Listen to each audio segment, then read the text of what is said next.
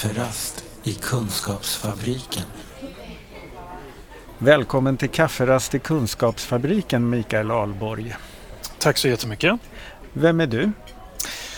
Eh, jag är en ganska nyfiken och eh, hyfsat eh, nyligen disputerad forskare i hälsa och livsstil.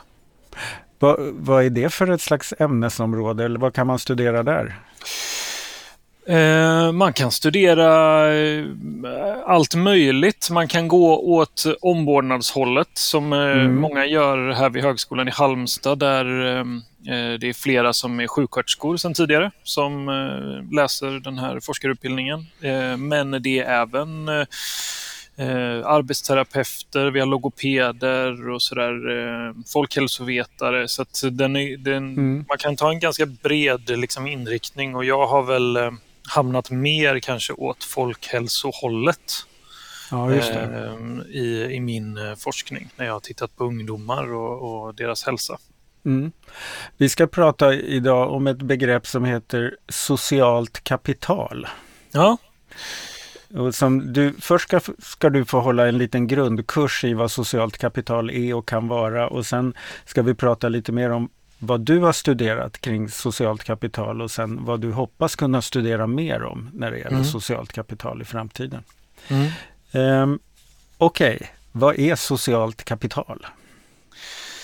Socialt kapital har definierats eh, med lite variation av olika eh, teoretiker och forskare. Men, men det gemensamma kan man säga är att det är Eh, eftersom det heter kapital då, så pratar man om den mängd eh, eller summan av de resurser som återfinns i eh, sociala relationer och nätverk eh, hos eh, grupper av människor i samhället. Mm. För min första tanke är ju att på något vis man brukar prata om att det är viktigt att ha kontakter. Men det, det är bara en väldigt liten del av allt det här egentligen. Ja, men, men för eh, det här med kontakter eh, har lyfts fram väldigt mycket. Framförallt kanske av en av teoretikerna, Pierre Bourdieu. Mm. Eh, som eh, verkligen menade att genom våra kontakter och det sociala kapitalet i dem så, så liksom eh, har vi eh, skapat strukturer i samhället som är ganska svåra att bryta. Aha. Ja. Mm. Men det eh, handlar om att känna folk som kan saker eller som kan hjälpa en med saker till exempel? Ja, han menar ju att, att eh, Eh, alltså, det finns olika typer av kapital i samhället och eh, han pratade bland annat om symboliskt och kulturellt och det ekonomiska och eh, sådär. Eh, kapitalet och det cementeras på något sätt och distribueras med hjälp av socialt kapital kan man säga. Okay. Mm. Eh, att det sociala kapitalet gör att vi kan eh, liksom casha in på våra eh, olika relationer eller i eh, grupper som vi känner oss delaktiga i, där det finns eh, normer och värderingar som alla delar och, och en ömsesidighet kring eh, liksom vad som förväntas av deltagarna i, det, eh, i den sociala kontexten. Mm. Och Det gör också att vi eh, distanserar oss från andra grupper och har svårare för att acceptera människor som inte då kanske vi, vi tycker hör, hör till den gruppen. Ja, just det. Eller om jag är en grupp som ingen annan tycker hör till. Så Precis. har jag svårt att, att, skapa socialt kapital för att omgivningen inte, ser inte mig som kreditvärdig eller vad man ska säga. Precis. Ja. Det, är, det är ett sätt att se på det, det vill säga vad, vilka vinster finns det för eh, den enskilda i att vara en del av en större grupp. Ja. Spännande ämne mm. får man ju säga. Um, men du sa att det var en av förgrundsfigurerna, det här som du beskrev. Men det, det, finns kanske lite fler olika riktningar i det här? Ja, men absolut. Och det, det är väl kanske den mest, eh, vad man brukar kalla det för liksom den deterministiska delen av socialt kapital. Den som belyser det här kanske tydligast med att eh, grupper eh, inkluderar men också exkluderar. Mm. Eh, och det är väl Bourdieus liksom jag skulle säga att det kanske är en styrka i det, för det förklarar samhället på ett visst sätt, varför det ser mm. ut som det gör. Och, och det tar upp också negativa delar av socialt kapital som andra kanske inte har fokuserat så mycket på. Och då pratar man om framförallt två stycken, Eric Coleman och Robert Putnam, som är eh, Coleman är, är, också sociolog, precis som Bourdieu, medan Putnam är statsvetare eh, i grunden. Och, och de har väl ett mer, tycker jag i alla fall, ett, ett mer positivt eh, förhållningssätt till socialt kapital. Det vill säga det här en kollektiv kraft eller det, det, det ömsesidigt goda lite grann som, som finns i samhället och som alla människor på något sätt är benägna att bidra till och upprätthålla. Eh, inte nödvändigtvis för sin egen vinst utan att det finns någon sorts godhet i det. Liksom. Ja, just det. Så att om, om Bourdieu mer var så här ser det ut och det får vi hacka i oss. Ja. så är de mer att det här är något man kan jobba med. Precis, och, och mm. en, en, förutsättning för demokrati till exempel har Putnam pratat om och, och moral i samhället och liksom att vi, mm. har en samförståelse och, och eh, socialt kapital har ju ibland beforskats när det har hänt katastrofer eller st stora omställningar i samhället och att man, man då ser liksom vilket det sociala kapitalet är hur, hur det, vad det ger uttryck för eller vad man ska säga. Ja, det. Är det det som man i andra sammanhang kan kallas för resiliens eller resilience, alltså motståndskraft eller mm. förmåga att hantera kriser och, och sådär? Absolut, och, och um, resiliens kan man ju prata både om på individnivå men på gruppnivå, hur, hur människor hanterar eh, liksom, motgångar och eh, försöker ta sig tillbaka från det. Så, att, så absolut, det kan man prata om. Och då på något sätt blir det sociala kapitalet det här hur Alltså vad är det som händer när människor går ihop och gör någonting tillsammans exempelvis? Eh, vad är det som får människor att känna att varje röst är viktig i ett eh, demokratiskt val till exempel? Mm. Eh, att det skulle vara någon kollektiv känsla. Här kan man prata om både liksom nationalism och man kan prata om ehm, eh, solidaritet och, och sådär. Det går att koppla ganska många olika begrepp till mm. liksom, socialt kapital beroende på vad man är intresserad av det gör också, det, det, kan ju vara lite av eh, anledningen till att socialt kapital har använts i många olika sammanhang och det har olika betydelse för olika människor och det är ju alltid en svaghet när man ska prata om ett begrepp om inte alla har en gemensam bild, om vad det är, bild av vad det är för någonting. Ja, just det. Fast alla har nog förmodligen en bild av det, men inte ja. samma. Nej, precis. det.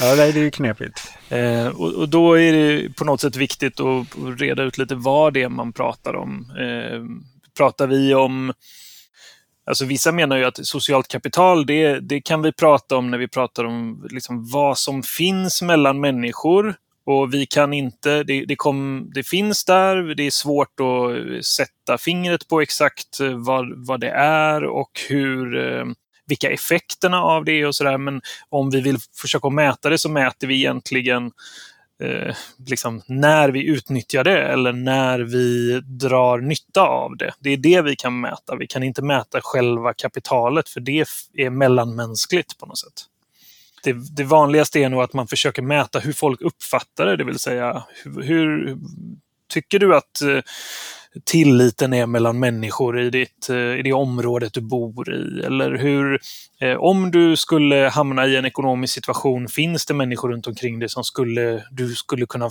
fråga då, som du känner att du kan liksom, eh, lita på eller som litar på att de skulle hjälpa dig då? Alltså det blir den delen. Och det kallar man för kognitivt socialt kapital.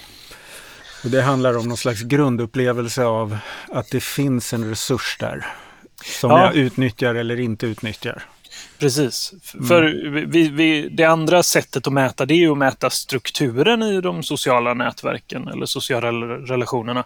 Men du kan ju ha ett eh, rikt eh, strukturellt nätverk liksom, som du, du har många kontakter men frågan är vad finns det för kapital i dem egentligen? Eh, mm. Ehm, vad, vad kan du få därifrån? Just det, jag har många kontakter som jag litar på men jag vet egentligen inte om de har det där som behövs när det kniper. Nej, men precis. Kafferast i Kunskapsfabriken. Om vi då börjar dra oss mot det här som då du har studerat med socialt kapital och psykisk hälsa, då slog det mig ju så här att en ganska vanlig liksom, upplevelse hos människor är att jag har väldigt många goda vänner och bra kontakter. Ehm, men när jag börjar må dåligt så vågar jag inte utnyttja dem. Nej.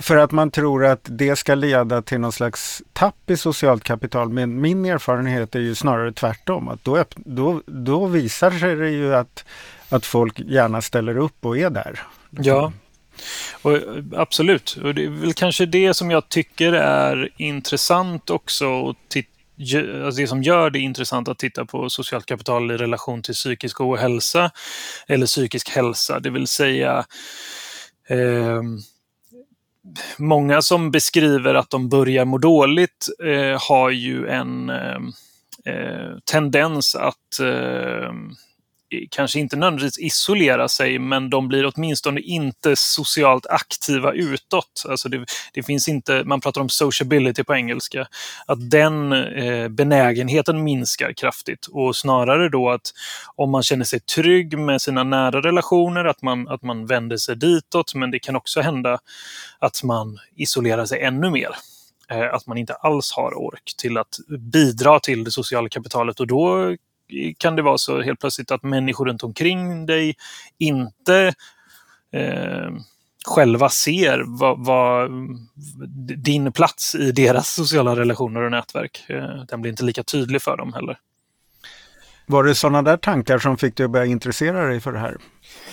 Ja, det var det väl. Och sen så tänker jag ju att eh, eh, jag tycker ju det här är jätteintressant just det, det strukturella eh, kontra det kognitiva, det vill säga eh, liksom vi vet att eh, eh, det är inte alltid den som har flest kompisar och som är mest populär som ungdom som mår bäst. Alltså mm. det, och, och ehm, det finns en väldigt tydlig koppling mellan socialt kapital och, och psykisk hälsa. Eh, bland annat utifrån den forskning jag tittar på, men den har man även sett i, i andra grupper och sådär.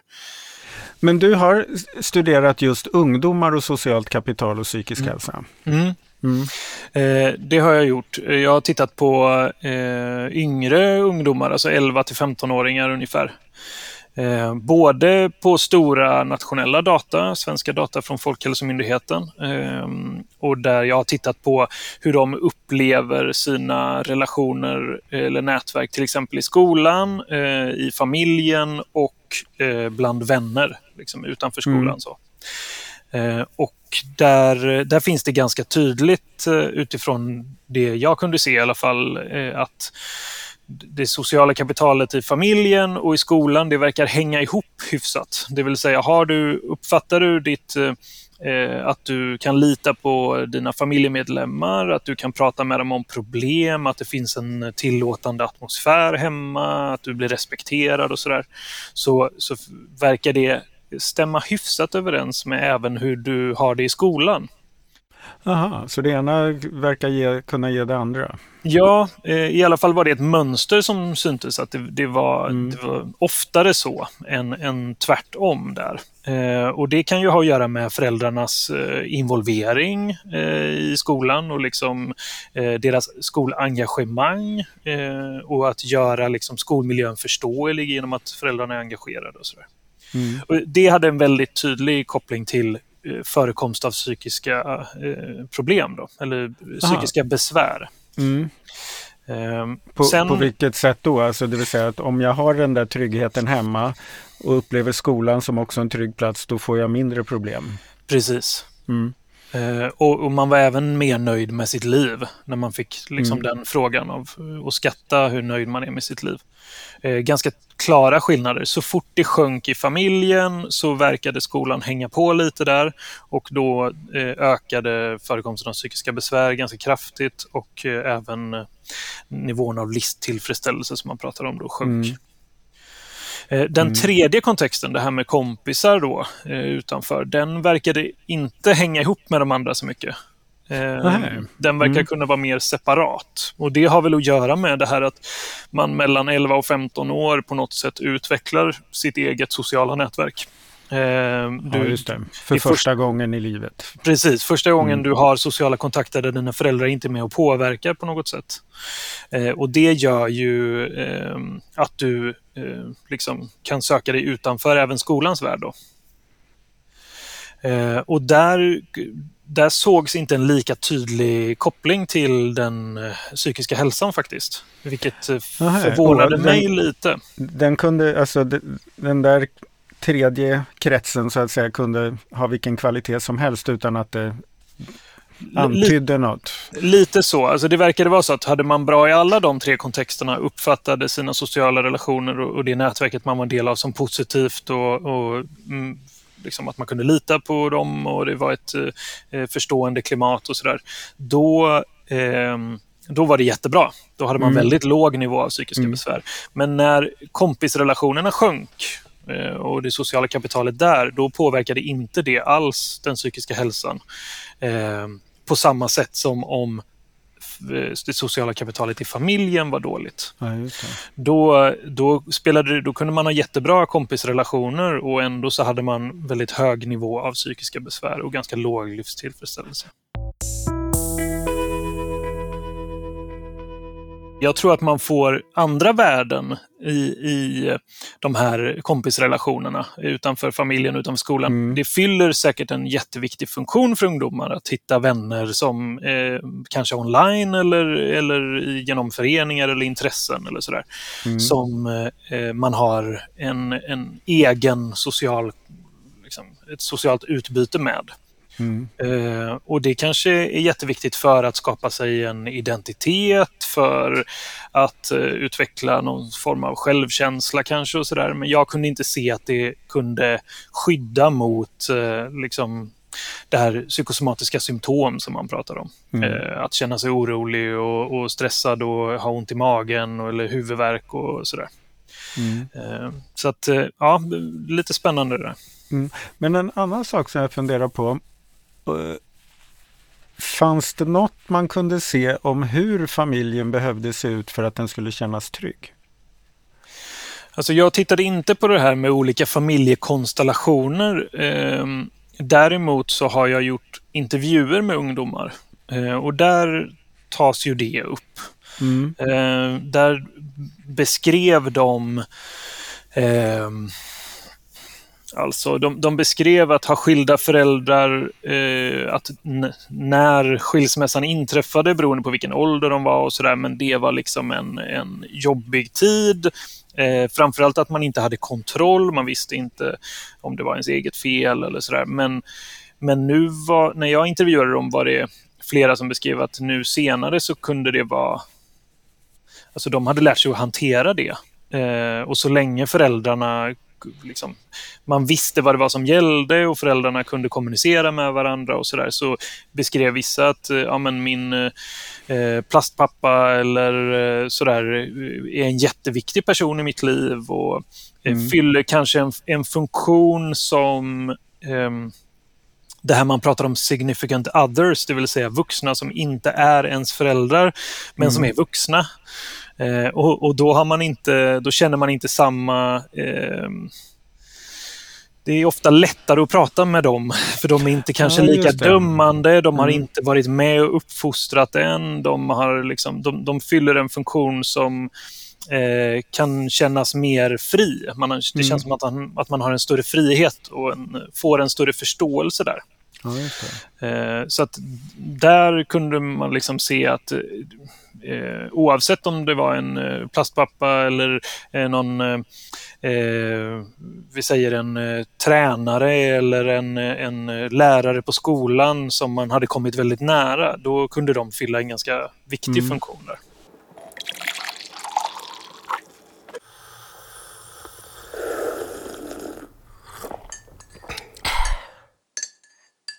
När man pratar om psykisk hälsa eller förekomsten av psykisk ohälsa i Sverige så eh, eh, vet vi att på det sättet som vi mäter med de här psykosomatiska symptomen och förekomst av liksom ångest och hur nöjd man är med livet och så där, så skattar tjejer eh, betydligt eh, mer allvarligt än vad killar gör.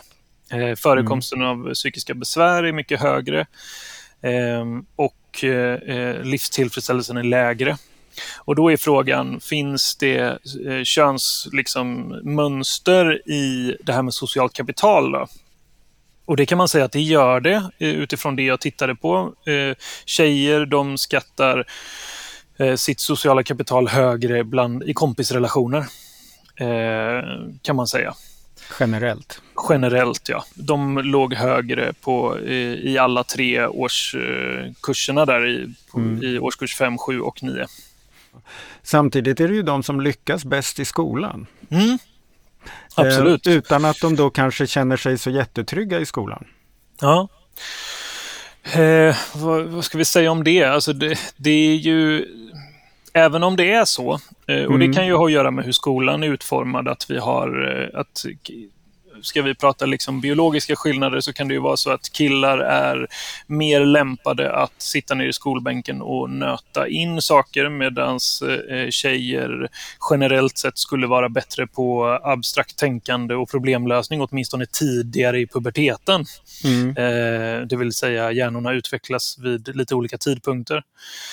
Eh, så eh, även om tjejerna presterar bättre och vi vet att det en, börjar bli en ganska stor majoritet av högskoleelever eller studenter som är eh, kvinnor så, så är det också fortfarande de som eh, sjukskrivs i absolut eh, störst utsträckning och som känner en väldigt stor liksom, prestationsstress i skolan och sådär. Mm det, jag menar då, det är intressant att prata om normer och värderingar kopplat till det här. Eh, mm. Och det blir på något sätt det här med då, då, kan man börja prata om socialt kapital. Eh, vad är det för förväntningar vi har? Finns det eh, liksom sociala konstruktioner som påverkar vad vi har för förväntningar på könen? Eh, mm. Och, och, vad, vad spelar de för roll? Är det lätt att vi formar våra ungdomar in i eh, in i olika mönster beroende på vad vi, har för, vad vi sätter för krav för dem, eller på dem exempelvis. Eller så. Just det. Utan att gissa för mycket, men alltså skötsamhet i skolan belönas ju på något sätt. Ja. Men en, det kan ju också vara en skötsamhet som senare i livet gör att man hamnar i yrken där man inte faktiskt får den frihet man behöver för att, att hitta rätt rytm för sig själv. Liksom. Så kan det absolut vara. Och att man mm. inte eh, sätter sig själv främst när det gäller att, att formulera eh, liksom vilka, vilka krav man har på sin arbetsgivare och sådär.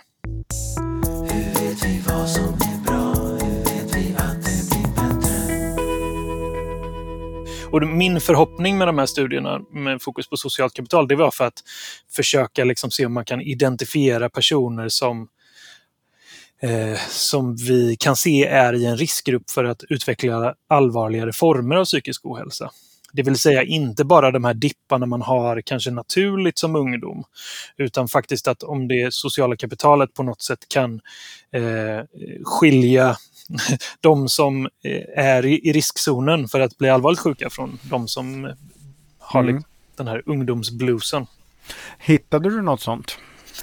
Eh, för att kunna säga sånt med säkerhet så måste man göra longitudinella studier och det är, väl, där, det är väl mm. det jag påbörjar nu egentligen efter min mm. forskarutbildning. Eh, det, det, kräver ju ordentligt med planering och sådär innan man gör det så man inte gör något fel från början som sen inte kan åtgärdas efterhand. Så att man står där om tio år och inte hade någon nytta av det man har studerat. Nej, nej precis. Det finns väldigt lite forskat eh, på socialt kapital när det gäller mm. det här med att, att titta på förändring över tid. Okay. Ja. Framförallt bland ungdomar. Det mesta är tvärsnittsdata, det vill säga att man tittar på hur det ser ut just nu. Eh, och det gör ju att man kan prata om samband mellan saker, som att jag kan prata om att det finns ett samband mellan socialt kapital och, och den fysisk, eller psykiska hälsan, men jag kan inte säga vad som orsakar vad. Nej, just det. Eh, Nej, jag, kan, jag, kan, inte se några riktningar i det sambandet. Mm. Där, du har mycket att göra om du ska...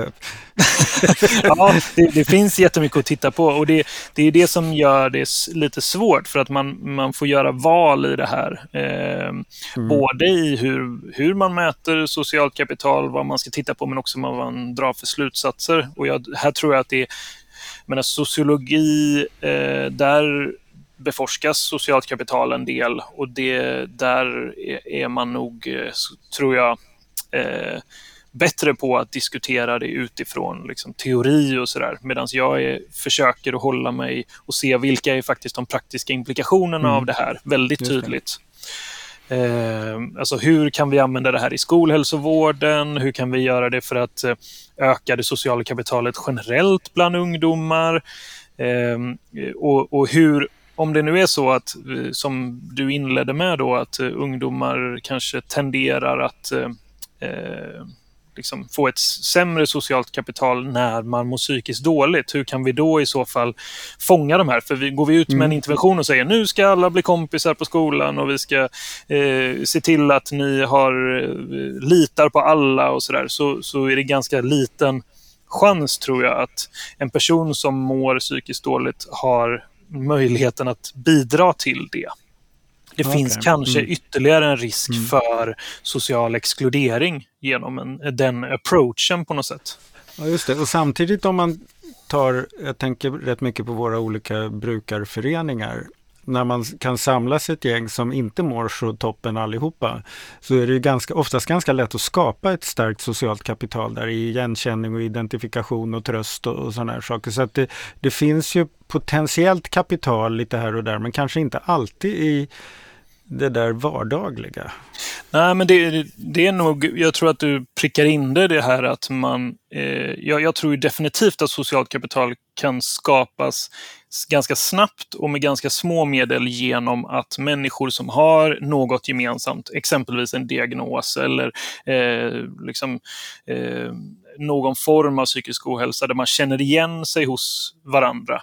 Där har du absolut möjlighet att skapa något som är jätteviktigt för att stärka eh, personer.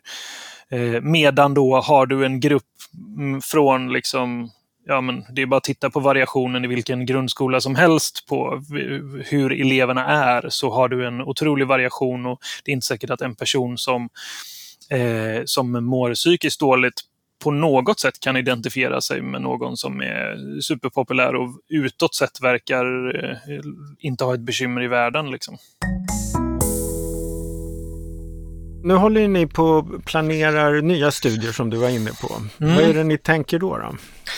Ja, men vi vill titta på, eh, alltså fortsätta ta reda på mer kring det här. Går det att på ett tidigt stadie liksom identifiera de som befinner sig i, i riskgruppen och hur, hur kan vi använda socialt kapital som eh, liksom, vad ska man säga, mätmetod eller mm. koncept kopplat till det här? Va, vad säger det? Eh, eh, och, och, då behöver vi titta på det här med det longitudinella perspektivet, det vill säga att vi behöver följa människor över tid och se om det händer någonting med det sociala kapitalet, eh, vad händer då med den psykiska hälsan? Eller tvärtom. Eh, och I det så vill vi även studera det här med att benägenheten att söka hjälp. Eh, precis som du är inne på där, det här vem man vänder sig till och vågar jag vända mig till någon? Och, och är, är det så att kanske socialt kapital är en väldigt viktig del av det, benägenheten mm. att söka hjälp.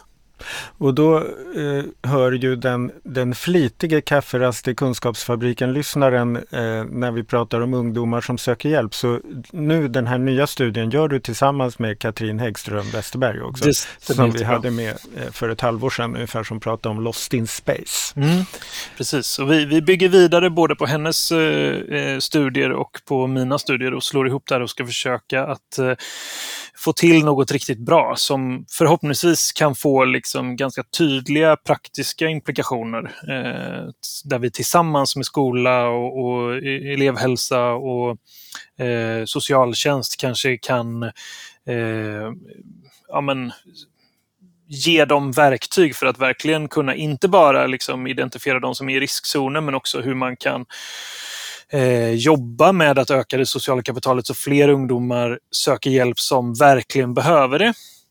Men att de som eh, kanske kan bli hjälpta av vänner och eh, liksom närstående och sådär, de kan bli hjälpta där så att vi, så att vi kan oh, få ja. vården och faktiskt fokusera på de som ehm, eh, verkligen har ett behov av det. Oh.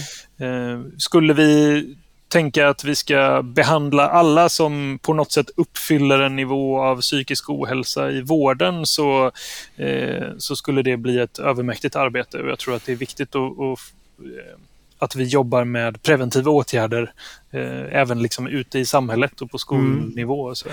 och jag tänker också att för de som får bra vård Mm. För att den vården ska bli bra vård så krävs det oftast att man har liksom någonting annat som är hälsofrämjande också, inte bara vårdinsatsen. Så att ett sätt att även för de med knepigare psykisk ohälsa som behöver liksom professionellt stöd är det ju viktigt att man har mer socialt kapital.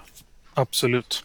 Mm. Människor runt omkring sig som både kanske är medvetna men att du känner att du det är inte vården som ska bli det stället där du ska känna dig som hemma, utan det ska vara ett stöd i det. Och sen mm. så ska du ha en social kontext, eh, eller flera, där du verkligen är någon utanför. Just det, det är det som gör att du kan lyckas med vården. Ja, och det är det som gör det hållbart i längden också, tror mm. jag. Eh, Precis. Att du vågar till slut släppa vårdkontakten, förhoppningsvis. Mm. Mm. Just det, och stå på egna ben. Ja. Hur långt, hur långt har ni kommit nu då i, i planeringen av det här nya? Ja, vi står och stampar. Vi vill dra igång så fort som möjligt här. För ni har fått pengar? Vi har fått pengar och vi har eh, börjar få eh, känsla för eh, vilka liksom, skolområden som vi kommer att fokusera på och ha lite samarbeten med Eh, Eh, med eh, olika delar av kommuner och sådär. Men nu, nu är det etiktillstånd och sen så ska vi komma ut till skolor och börja eh, informera om det här så att vi kan få intresserade och engagerade ungdomar förhoppningsvis som vill vara med i det här. Just det det är än så länge mer eh, ambition och engagemang än resultat. Ja, det stämmer. eh, och, och, den första delen kommer att fokusera på att eh, eh mäta socialt kapital på något bra sätt. Mm. Det, det, finns lite olika enkäter och sådär som man kan använda sig av, men vi upplever att, eller snarare en, en av mina studier visar att Eh, Eh, det finns liksom inget bra instrument som täcker in de olika kontext, sociala kontexterna som ungdomar befinner sig i, i alla fall inte i Sverige utifrån liksom, eh, de intervjuer som jag har gjort och sådär. Eh, så vi vill ha ett lite bredare liksom instrument att mäta och sen så vill vi verkligen säkerställa att formuleringar och, och de resurserna som finns i nätverken, att de eh, finns med i de, i de här mät eller frågorna, påståendena som ska finnas i den enkäten. Mm. För att i den studie du gjorde tidigare, då har du tittat på familjen, skolan och övriga. Finns, finns det fler liksom, spår som ni skulle vilja lägga in som ni skulle vilja förtydliga? Eh, ja, men det, det, kan ju vara värt att eh, se eh, lite tydligare vad det här andra vuxna, eh, vad de ja, fyller mm. för funktion och sen eh, verkligen se till att frågorna är ställda så att vi kan eh, särskilja lite skolan från övriga kompisrelationer men också få med online-delen i det här tror jag ju kommer bli en, en viktig sak. Just nu så finns det instrument som mäter liksom online på vilka sociala plattformar och, och mm. sådär. Men, men att ha båda delarna tror jag att kan, eh, kan vara värt. Ja, för då förstår man de olika delarnas värde bättre kanske? Ja, ja. precis. Och eftersom det här ja, det inte är utvecklat än så, så eh, får vi se vad vi landar i. Men vi vill få med så mycket som möjligt utan att det blir en jättelång eh, enkät av det. Det låter ju döspännande. Du kan vi räkna med att du får komma tillbaka här i podden sen ja. några år när ni har plöjt i det här. Nej, men då får väl jag och Katrin titta in tillsammans kanske. Precis, mm. det ser vi fram emot. Men då så, eh, stort tack för att du ville vara med Mikael. Tack så jättemycket. Den här podden görs av NSPH, Nationell samverkan för psykisk hälsa. Läs mer på vår hemsida www.nsph.se eller följ oss på Facebook. Kafferast i Kunskapsfabriken.